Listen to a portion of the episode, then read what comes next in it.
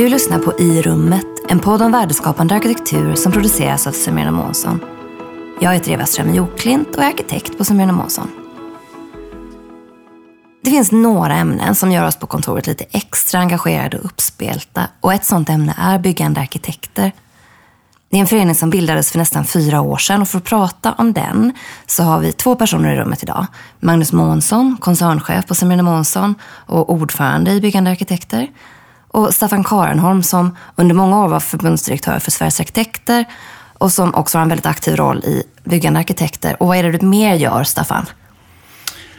Ja, jag har ju min bakgrund som du sa i eh, arkitekternas organisationer och jobbade där i fyra decennier. Eh, blev pensionär för sju år sedan nu. Och eh, jag har jobbat mycket med affärsutveckling kan man väl säga.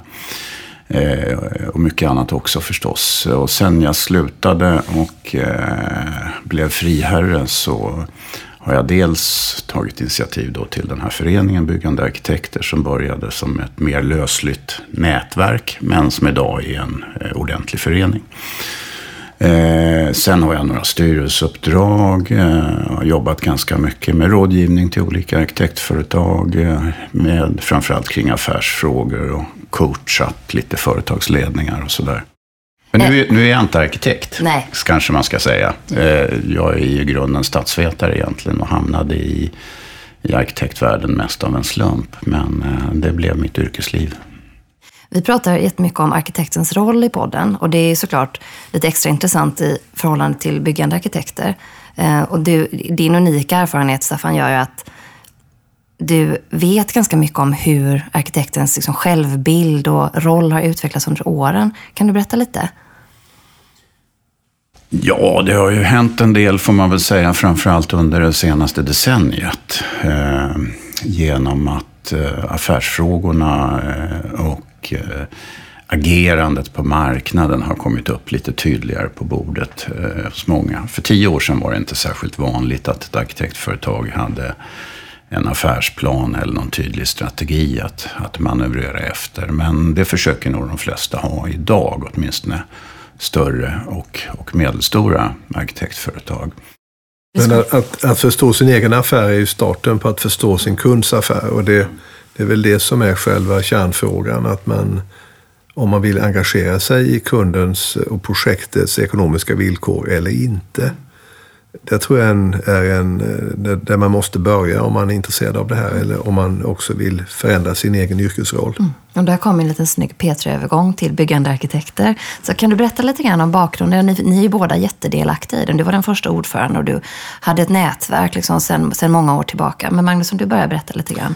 Ja, Staffan kan ju berätta lite grann hur det startade, mm. för det vet Staffan bättre. Mm. Men för min egen del så och för kontorets del så, så är det någon slags ehm, eh, utgångspunkt att om man, om man säger att en arkitekts största tillgång är det holistiska perspektivet.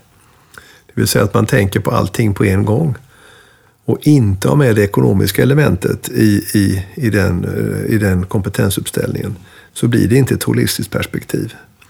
Och det där, det där har stört mig sedan många, många år tillbaka. Och fick, fick väl egentligen igång mitt och kontorets intresse för att bygga i egen regi.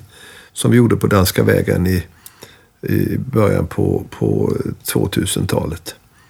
Och det där, det, där, ehm, det där har ju lett till, till väldigt mycket insikt och, och väldigt mycket eh, ja, vi säger framgång också. Att vi, har, att vi har tagit det ställningstagandet att vi vill intressera oss för fastighetsekonomin på ett djupare plan.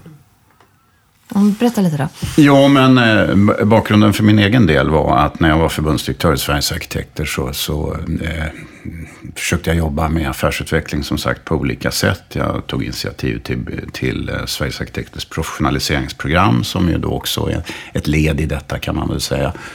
Eh, och eh, jag arrangerade vid ett tillfälle, det där är nu 10-12 år sedan eller så, ett eh, heldagsseminarium som hette Arkitekten som developer begreppet byggande arkitekt hade inte riktigt etablerats då.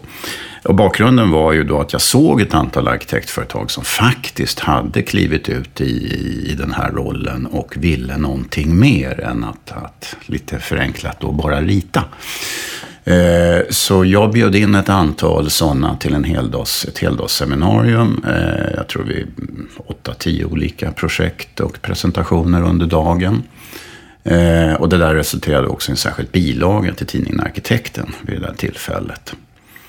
Eh, och då eh, tyckte jag att det här måste vi kunna jobba vidare med. Sen sista åren jag var chef så jag var ganska upptagen av rätt mycket annat och hann inte engagera mig så mycket med det här, i det här. Men eh, eh när jag sen hade kastat av mig oket som anställd så tänkte jag att jag ska ta tag i det här. Och då bjöd jag in ett antal arkitektföretag, jag tror det var fem eller sex stycken, till ett litet möte i Malmö. Och jag insåg då att alla hade gjort sina egna erfarenheter och kanske också sina egna misstag. Ingen hade pratat med varann. Eh, och de här... Eh, det kändes alldeles uppenbart då att de behövde någon slags eh, umgänge, någon slags kontakt. Och då bildade vi ett, ett nätverk. Och det där växte eh, och det var från början då fritt att vara med. Och det lockade många som bara var nyfikna men som kanske inte vågade ta steget. Och till slut satt jag där och administrerade en ganska stor sak eh, utan att det fanns några pengar i det eller några resurser eller, eller eh, någonting att finansiera mitt arbete heller. Så det blev ideellt, från att vara lite ideellt blev det väldigt ideellt till slut. Eh, och då blev det läge att eh, eh på något sätt då starta en, en, göra en formell förening av det här. Och det skedde ju då för fyra år sedan, precis som du sa. Och nu är det ju en förening som har nästan 40 arkitektföretag som medlemmar. Så att det har ju utvecklats får man säga. Och det känns som det ramlar till jättemånga varje år nu. Det blir det känns ja, ju också som att man det... vågar när man ser att det är många andra som har vågat. Att... Det är ju, utav de här så är ju drygt hälften eh, sådana som redan är byggande arkitekter. Kanske 25 av de här 40 ungefär. Eh, och eh, resten är liksom prospects kan man säga. Sådana som nog intresserar sig för rollen men har inte kommit så långt. Men när man ser nu, vi har ju haft under ett par år projektrevyer och visat upp vad som sker där ute. Eh, då ser vi ju att det händer jättemycket saker. Och det är väldigt många olika projekt. Bara de här två senaste årens projektrevyer har vi, har vi presenterat ungefär 30 projekt i egen regi. Och vi, vi brukar idag säga att om vi tittar på vad de här företagen gör eller har gjort i form av bostadsbyggande då i första hand. Så brukar vi använda siffran 2 500 bostäder genomförda, pågående eller eh, långt gångna markanvisningar. Men var det någonting som utmärkte de här kontoren som, som anslöt sig? Magnus, vilka var, vilka var kompisarna i, i ursprungsgänget? Ja, det, där, det där är en, intressant fråga. Det, det, är klart att här finns ju en slags intresse för, för affären som mm. jag var inne på tidigare. Alla, alla har ju gått ur trygghetszonen och i någon mening byggt på egen bekostnad och både att rita och att handla upp och genomföra och hyra ut eller sälja. Och det är ju en, liksom en egen liten loop som, som väldigt få hade gjort vid det tillfället. Um, ja, man, det är svårt att se någon annan gemensam nämnare än någon slags intresse och lite mod i, i, i, i det. Um, vare sig geografiskt eller, eller på något annat sätt. Um, det som det som jag tycker är fantastiskt är att det har blivit liksom en del i en mycket större utveckling utav arkitektrollen. Mm. Att vi, vi är ett instrument som kanske några väljer för att se att man kan faktiskt få en annan marknadsposition. Och det tror jag är, är eh, en av våra just nu viktigaste insatser. Att, att vi finns till på det sättet och att vi har utbildar även de som ännu inte har byggt så att säga genom att de har fått ta del av eh, den kunskap som, som finns. Man kan säga också att två, två eller två och ett halvt tusen, eh, hur vi nu räknar de där lägenheterna, är ju ändå på marginalen. Och, och det är viktigt att säga det också för att jag tror att eh, en och annan kan vara lite orolig för att man ska bli konkurrent med sin egen kund. Och det är, det, det är väldigt liten risk att det sker, men däremot så blir man naturligtvis mycket bättre för sin kund om man lär sig hur det här hänger samman. Mm. Och det är liksom en, en vattendelare som jag tror vi måste identifiera och se till att inte det blir en större fråga på något sätt. Eh, för att det, det, är ju så att om vi bygger 2000 lägenheter så är i alla fall några stycken av dem är lite experimentella, de är lite utmanande. Man prövar idéer som man annars kanske inte hade fått möjlighet att göra. Och då tror jag man dels driver upp kvaliteten, för det är nästan självmål att inte, inte göra fina hus. Men man kan också liksom få möjlighet att göra eh, typ utav, typer av mm. byggnader som, som man inte annars hade fått pröva i full skala. Mm, precis. Jag tror att eh, det finns mycket som förenar, som Magnus nämner här. Va? Och det, det, det som förenar är naturligtvis att man vill göra någonting mer av sin arkitektgärning, sin arkitektroll. Eh, Eh, men eh, sen, sen finns det bakom det säkert väldigt eh, skiftande bevekelsegrunder. Det här seminariet som jag berättade om tidigare, jag avslutade det genom att var och en fick ställa, eller jag ställde en fråga till var och en där man fick med ett ord förklara varför man tog steget att bli byggande arkitekt. Och jag fick i princip tio olika svar. Eh, sen kan man se att eh, det finns väl någon slags minsta gemensamma nämnare. Men någon sa, jag vill se min arkitektur förverkligad. Jag vill inte att någon ska förvanska det jag gör. Någon annan sa, ja men det här är lär, lärande för mig. Eh, jag vill lära mig det här och bli bättre eh, både på det här området och i min traditionella gärning. Andra sa, det här är inte rocket science, jag kan också göra det här. Och någon sa, ja men vi är trötta på att sälja oss till eh, pressade timpriser. Vi vill försöka vara med och utveckla intressantare affärer. Så att det är klart att allt det där finns med i någon slags kompott här. Va? Men, men eh, minsta gemensamma nämnaren är nog det här att man eh, många gånger kanske har känt sig inklämd i en lite för trång arkitektroll och vill göra någonting åt det. Men efter nästan fyra år, vad säger liksom medlemsföretagen nu är den största vinsten med att vara med i föreningen? Är det någonting som ni pratar om? Ja, alltså man ska väl säga först och främst tycker jag att, att det här är en speciell förening på det sättet att det förutsätts att man som medlem är väldigt transparent och mm. öppen. Mm. Här eh, ska man dela erfarenheter med varann. Eh, man ska bygga gemensam kunskap. Man ska inte tjuvhålla Nej. på saker och ting. Eh, utan man ska visa sina egna processer, sina egna projekt och kunna svara på frågor. Och så långt som möjligt också visa sin ekonomi, kalkyler, resultat och så. Så det är öppenheten som, som är en slags varumärke för föreningen. Eh, och, och det, där är det ju, får man ju säga, lite annorlunda än vad det är ute i arkitektbranschen i övrigt. Verkligen. Så, så att, men det är ju för att de här företagen inte ser varandra som konkurrenter. Utan tycker att det är egentligen bara bra att fler vågar ta rollen. Vi konkurrerar ju med de traditionella aktörerna mm. där ute. Mm. Så vill man i och för sig att arkitektkontor ska se på världen utanför också. Så det kan man väl hoppas att det kan smitta lite grann. Eh, lyfta rollen gemensamt. Det såg ut som att du hade någonting på, på hjärtat. Nej. Jag är lite nyfiken på bara helt arkitektkvarter. För det, då samverkar man och skaffar markanvisningar tillsammans, eller hur fungerar det? Alltså det där är ju en tanke som har vuxit fram. Eh, den fanns inte riktigt med från början. Utan eh, föreningen har ju... Föreningens syfte är ju att vara ett, ett, ett nod, en support för eh, företagen när de själva går ut på marknaden mm. och söker projektmöjligheter och markanvisningar och så. Men när vi har varit ute i kommunerna så, så eh, har det visat sig att eh, det kan ju finnas situationer där vi skulle kunna erbjuda någonting mer. Genom att flera av våra medlemsföretag går samman. Byggt alltså kring ett gemensamt koncept, då arkitektkvarter. Som ju bygger på idén att man kanske tre, fyra, fem aktörer kan ta ansvar för ett helt kvarter. Och då pratar vi inte bara hus, utan då pratar vi liksom ett stadsbyggnadsperspektiv mm. också naturligtvis. Någonting som kommunicerar med sin omgivning på ett bra sätt. För det finns ju väldigt mycket kritik ute i kommunerna att det är väldigt mycket fokus på själva husen. Mm. Eh, och även om många av de andra aktörerna där ute gärna vill framställa sig som stadsbyggare så är de i första hand husbyggare.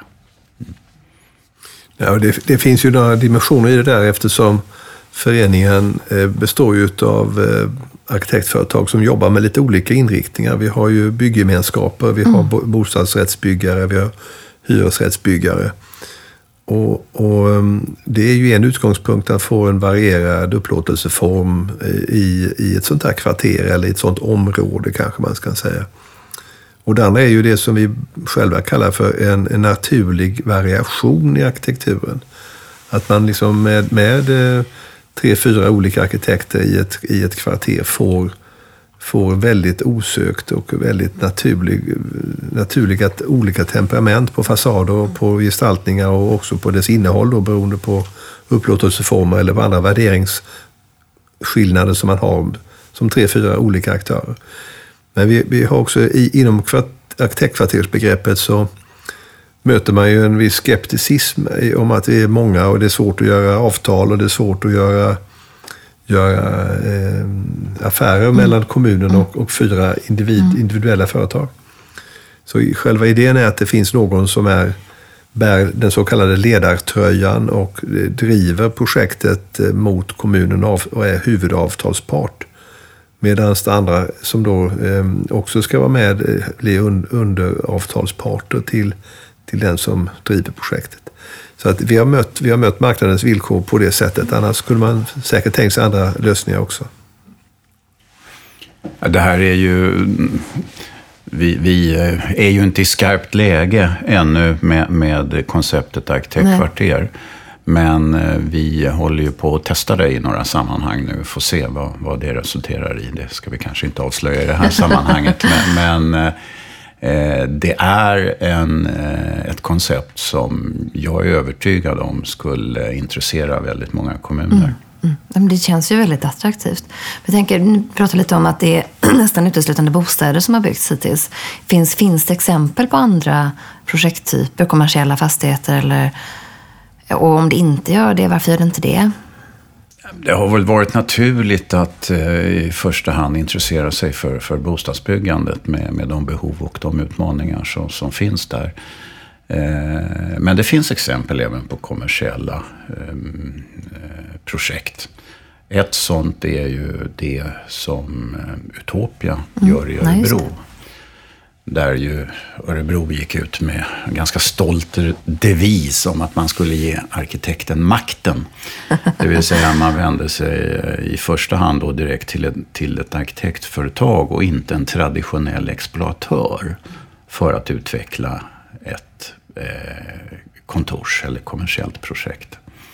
Så det är väl ett exempel på det. Så att, och det, det intressanta med det är ju att det var ju faktiskt ett beställarinitiativ. Ett, eh, kommunalt initiativ. Mm. Mm. Och det återspeglar ju det, det kommunala intresset för den här eh, nya arkitektrollen som, som vi är en, en representant för. Men det finns naturligtvis också andra konstellationer i det. Men Utopia är ju ett medlemsföretag som eh, lyckades vinna den här eh, Eh, tävlingen och, och gör det här projektet nu. Begreppet byggande arkitekt det dök väl upp mer tydligt i samband med Vallastaden, mm. eller planeringen eh, inför, inför byggnationen i Vallastaden. Eh, där vände sig ju kommunen specifikt till mindre aktörer och, och eh, pekade särskilt på byggande arkitekter och bygggemenskaper och sådär. Och lite grann mot bakgrund av att man ju hade gjort en specifik plan ju med väldigt, väldigt små lotter så att säga. Eh, så att det var väl där begreppet satt sig. Eh, men det är också ett tecken på att man från kommunalt håll eh, vill se fler och mindre aktörer. Och som förhoppningsvis då kan stå för någonting annorlunda och en högre kvalitet. Mm. Eh, när vi har varit ute i kommunerna så eh, märker man ju att det finns en påtaglig frustration mot eh, en del etablerade aktörer som gärna presenterar eh, väldigt fina saker i ett markanvisningsskede. Och när man väl sitter där med sin markanvisning och jobbar vidare på det och så småningom är man framme vid ett bygglov så känner kommunen inte riktigt igen det de har gett en markanvisning till. Och det skapar väldig frustration. För det är ju så här att, eh, det måste man ju säga i det här sammanhanget också, att rollen som byggande arkitekt, den kan man ju ta på väldigt många olika sätt. Du kan gå all in, om du själv har intresse av det, göra allting själv. Om du kan klara din egen finansiering och klara att styra och leda hela ditt projekt. Men de flesta går ju in i någon slags partnerskap med andra aktörer. Eh, och då dyker det upp frågor som vi har pratat väldigt mycket om. Hur mycket rådighet har man över sitt projekt om man då är de facto minoritetsägare i projektet? Eh, en intressant fråga och särskilt nu när vi pratar arkitektkvarter. Då blir ju det en intressant frågeställning. För där måste man nog visa, när man går in i samarbete med andra, att man faktiskt har rådighet över sin egen del. Men exakt, även, även om man inte har eh, majoritetsägande så får man liksom avtala om rådighet i utformning. Och det finns bra mm. exempel på det. Vi har flera exempel som också finns i den här intervjuskriften. Att man som arkitektföretag kanske har en mindre andel. Mm. Men han, man har ändå växlat upp resultatmässigt. Så att man, man, sätter, man sätter sitt, eh, det kreativa bidraget man ger till hela projektet genom att vara mm, dess skapare ger en bättre utväxling sen i slutet, rent ekonomiskt. Så det går ju att hitta den typen av överenskommelser med andra mm. aktörer. Mm. Det där tror jag är en sak som kommer att växa ganska rejält framöver. Att man på något sätt vill ha arkitekten med sig på ett annat sätt och också dela med sig lite grann av projektets eh, värdetillväxt och, och, och, och resultat. Och det är ju en, en form av att vara byggande arkitekt som är ganska snabb och man kommer ganska fort in, in i den världen att man tar större ansvar, mm. även om man inte tar det fullständiga ansvaret när man inte finansierar det själv. Men, men eh, det är viktigt när vi gör våra arkitektkvarter, som Staffan säger, att vi har aktörer med egen rådighet. För att annars så kan ju begreppet eh, arkitektkvarter och, eller även byggande arkitekt eroderas lite grann om man inte når de kvalitetsmålen som vi alla vill åt. Men det här är också en, fri, en fråga som för in eh, samtalet på om man är en byggande arkitekt eller en ritande entreprenör. Mm. och det, är en, det är en hårfin ja. skillnad och eh, det kan man fundera lite grann kring det, de, när, när det ena blir det andra så att säga och när, var går den gränsen? Det kan också vara så att om vi skulle sitta här om tio år och fråga hur gick det med byggande arkitekter så kanske det är en förening som har spelat ut sin roll när alla har blivit så pass flinka med eh, de, de ekonomiska och de tekniska produktionsmässiga äh, frågorna och att vi har satt igång en utbildning på arkitektskolorna som gör att arkitekterna naturligen eh, har det som en huvudroll. Då, då kan det vara så att den här föreningen har ett annat syfte, vilket vi hoppas, men kanske att det inte är riktigt lika mycket fokus på just den här utbildningsdelen som, som egentligen saknas alldeles kolossalt i, i, i svensk utbildning ja, av arkitekter. Det får vara någon sorts liten framtidsspaning där kanske. Nu är Magnus väldigt optimistisk ja. här. det måste men, man ju ja, vara. Det, det, det, måste, det måste man vara. Eh, sen, är det ju så här att om du tittar ut över arkitektbranschen så eh, även om det rör sig affärsmässigt på många håll och kanter så att, att ta det här steget, att kliva ut i risken mm för det är ju det som är den stora skillnaden, så att säga. Jag brukar lite vulgärt säga att traditionellt arkitektarbete är rätt riskbefriat mm. faktiskt. Så det är ett företagande som inte rymmer vansinnigt stora risker. Men kliver man ut i den här världen, då, är, då kliver man ut i en helt annan eh, riskkalkyl. Och det måste man väl ändå säga att det är väldigt många eh, där ute av, av kollegorna som tvekar inför. Va?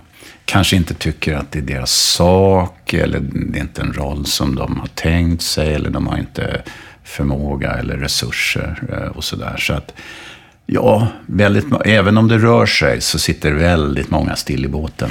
Vi måste ju tro på ungdomen, för du säger att det är så många unga arkitektkontor som är intresserade. Då kan man ju tänka sig att det kanske är en större förändring på gång när det har varit vi har ju varit bortskämda nu, vi kids, jag är 43, men de som är yngre, eh, just med eh, att det har varit en god konjunktur väldigt länge, så kan man ju säga massa saker om hur den är på väg att utvecklas, men men det känns ju som att det ganska många av, bara av den anledningen kan vara lite mer riskbenägna. Att man inte har sett de där riktigt otäcka tiderna. Så att jag håller nog ändå tummarna lite. Jo, nej men eh, jag håller med dig. Det dyker upp uh, unga aktörer uh, som uh, hittar på väldigt intressanta saker. Mm. Utan att gå in på några detaljer nu så, så snubblade jag bara häromdagen över ett litet kontor, två personer som nu har fått en markanvisning för ett, ett projekt som handlar väldigt mycket om flexibilitet. Mm. I alla dess avseenden kan man väl säga. Eh, och det är ju lite spännande eh, att en sån liten aktör eh, pang på då en, en ganska tuff eh, markanvisning. Och det är inte ett helt litet projekt utan det är lite större. Så att visst händer det saker och ting där ute. Eh, och vi har ju också eh, vi har inte pratat om det här som vi har kallat för arkitektradhus. Men eh, vi hade ju en, en ganska långtgående dialog med Lunds kommun nere i Norra Brunnshög. Där man ville ha ett inslag i den exploatering som sker där av, av det man kallar för arkitektradhus. Och då tänker man sig radhusbebyggelse med ganska handfast eh, variation. Då. Det ska inte se ut som en radhuslänga utan det, det ska vara en radhuslänga men det, husen ska se rätt så olika ut och, och eh, signalera lite holländsk bokhylla sådär.